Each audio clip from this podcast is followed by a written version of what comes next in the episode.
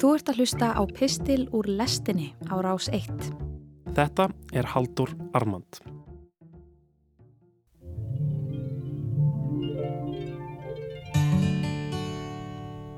Ég spíksporaði eftir ísilögðum gungustíg í öskjulíðinni í liðinni viku þegar ég heyrði svo fallegan fugglasöng. Einhvern veginn tókst mér að öðlast meðvitund um fegur þessa augnabliks í sömu andrá og það leið. Það er ekki oft sem manni auðnast að verða eitt með augnabliki á þennan hátt, en þarna megnaði ég það. Það ríkti algjör kyrð, moldin var á viksl, hálf frosinn og snæfi þakin undir fótum mínum Trjágreinarnar bærðust ekki og landslægið allt var eins og ljósmynd af sjálfu sér. Ég staðnæmdist, hlustaði eftir söngnum sem á þessu augnabliki var eina vísbendingin um að tíminn liði yfir höfuð og skimaði síðan kringum mig eftir söngvaranum sjálfum. Og þarna var hann, lítill þröstur og grein, pípandi og týstandi sínar dásamlegu laglínur út í buskan. Þetta myndi mig á annað augnablik frá liðinu sumri sem var ekki alveg romantíst á þetta. Þá satt ég í kæfandi hita inni á skrifstofu á meginlandi Európu og heyrði þá þennan líka himneska fugglasöng innum klukkan. Hins vegar blandaðist hann háværum umferðarinnið og skarkala frá veitikastað rétt hjá, svo ég bráða það ráð eins og sönnum nútíma manni sæmir að setja á mig hljóð einangrandi hirtnatól og hlusta á nætur galasöng á YouTube. Já, þú heyrði rétt, ég varð vitni að indislegum fugglasöng í miðri Stórborg. Fegurð heimsins reynlega rutti sér fyrirvaralöstu leiðin í kvestægin en mér fannst bara sándið á þessari fegurð ekki nógu gott svo ég fann mér bara upptöku á netinu af fugglasöng í staðin söng frá allt öðru andartaki tímalausan, staðlausan söng sem gæti verið frá 2006 eða 2014 eða 1993 þess vegna og var tekin upp í Kóreu eða Árásum eða Gínu Bissá eða hvað vissi ég Þetta sándaði miklu betra en raunveruleikin Þetta er stóra vandamáli við lífið og tilveruna ekki satt. Það er bara ofta ekki í, í nógu góðum gæðum. Ég áttaði mig ekki á því hversu ævintýralega fyrrt þessi haugðun mín var fyrir en ég var búin að hlýða á söngin í nokkrar mínútur í hernatólunum og heyrði ekki þegar félagi minn bauð mér kaffi.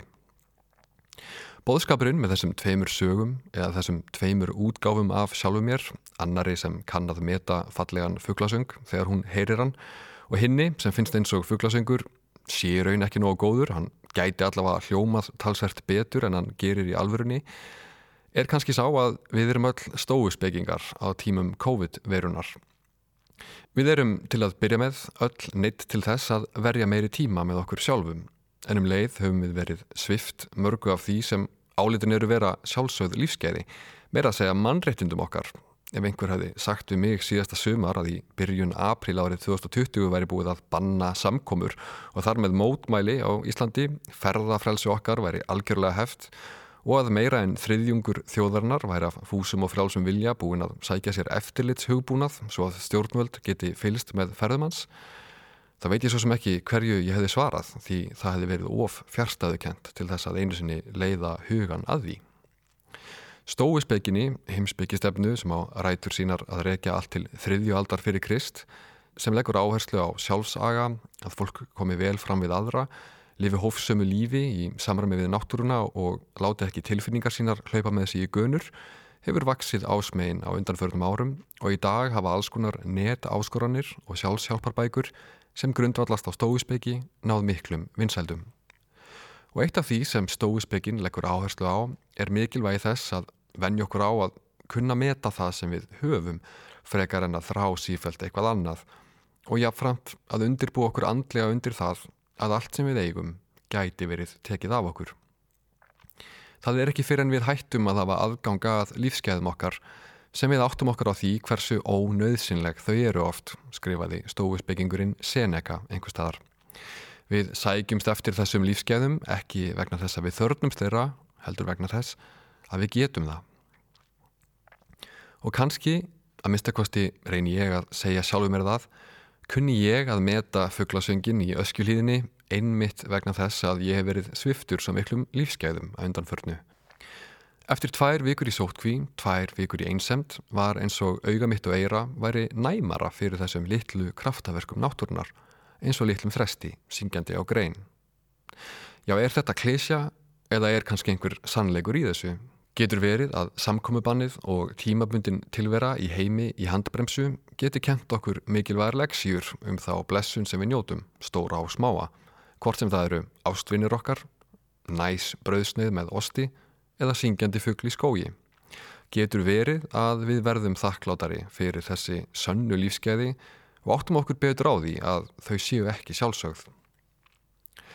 Bókin Leitin að tilgangi lífsins eftir Viktor Frankl sem fjallar um daglegt líf fanga í útrymmingabúðum nazista geymir alls konar visku um lífið og tilveruna og er heiklaust einu af þessum bókum sem allir hefðu gott af því að lesa enda hefur hún selst í meira en 10 miljónum eintaka. Ég byrð hlustendur að fyrirgefa mér þau ósmeklegheit, þau góðlátlegu ósmeklegheit að tala í sömu andrá um COVID-veiruna og líf í útrymmingabúðum. Ætluninn er ekki að bera þetta á nokkun hátt saman. En það er bara áhugavert að velta því fyrir sér hvernig Frankl skrifar um tilveruna í svo hrittilegri og miskunar lausri einangrun nú þegar heimurinn allur býr skindilega við einhvers konar milda innilókun. Það sem ég er sjálfum er alltaf minnistæðast á bókinni er hvernig Frankl lýsir því að ebling hins innra lífs hafi skipt sköpum fyrir fangana ef þeir vildu komast af. Fangar sem voru vanir því að lifa auðugu andlegu lífi gáttu liðið miklar þjáningar, skrifar Frankl. En þeir byðu síður tjón á sálusinni en aðrir. Þeir gáttu dreyið sig í hlje frá hryllingi veruleikans til auðugs, innra lífs og andlegs frelsis. Þetta er eina skýringin að þeirri augljósu mótsögn að líkamlega veikbyggt fólk virtist oft þóla lífið í fangabúðum betur en þeir sem voru sterkbyggðir. Ef einhver tíman hefur vantað sterk rauk fyrir bóklestri, þá er þau að finna hér. En svo skrifar Frankl þessar setningar sem ég fannst svo ægifagrar þegar ég las þær fyrst, að ég las þær aftur og aftur. Lýsingin var svo hryllilega falleg og sorgleg í einu að hún vakti samtímis innra með mér sorg og dásamlega upplýfningu. Hér skrifar Frankl, þegar innri hugarheimur fangan stífkaði leiti það til sterkari hugrifa af list eða náttúru en nokkru sinni fyrr. Hughrif slíkrar reynslu gáttu fengið hann til þess að gleima algjörlega þeim hræðilegu kringumstöðum sem hann mátti búa við.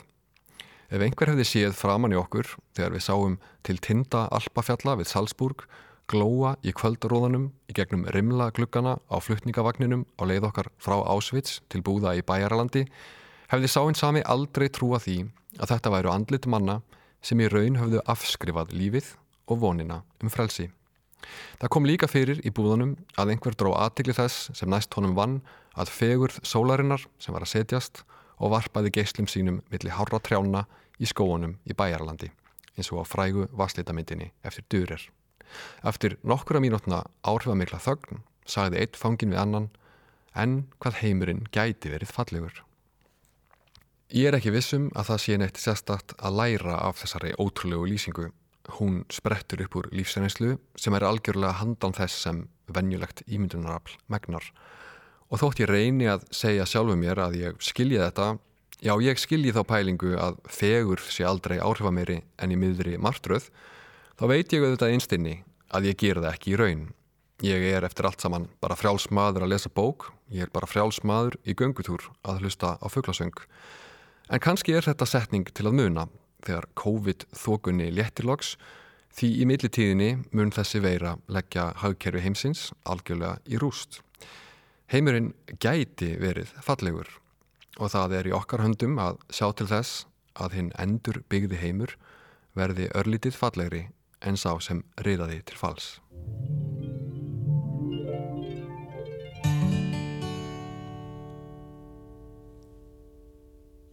When I get to heaven I'm going to shake God's hand, thank Him for more blessings than one man can stand. Then I'm going to get a guitar and start a rock and roll band. Check into a swell hotel. Ain't the afterlife grand? And then I'm going to get a cocktail, vodka and ginger ale. Yeah, I'm going to smoke a cigarette that's nine miles long. I'm going to kiss that pretty girl on the tilt the world. Cause this old man is going to town. Þú varst að hlusta á Haldur Armand, nýr pistill frá Halduri, hljómar á hverjum þriðu degim í lestinni á Rás 1. Ef þú fílaðir þennan pistil og vilt heyra meira, getur gerst áskrifandi að lestinni hér í hlaðvarpsappinu þínu. Rás 1 fyrir forveitna.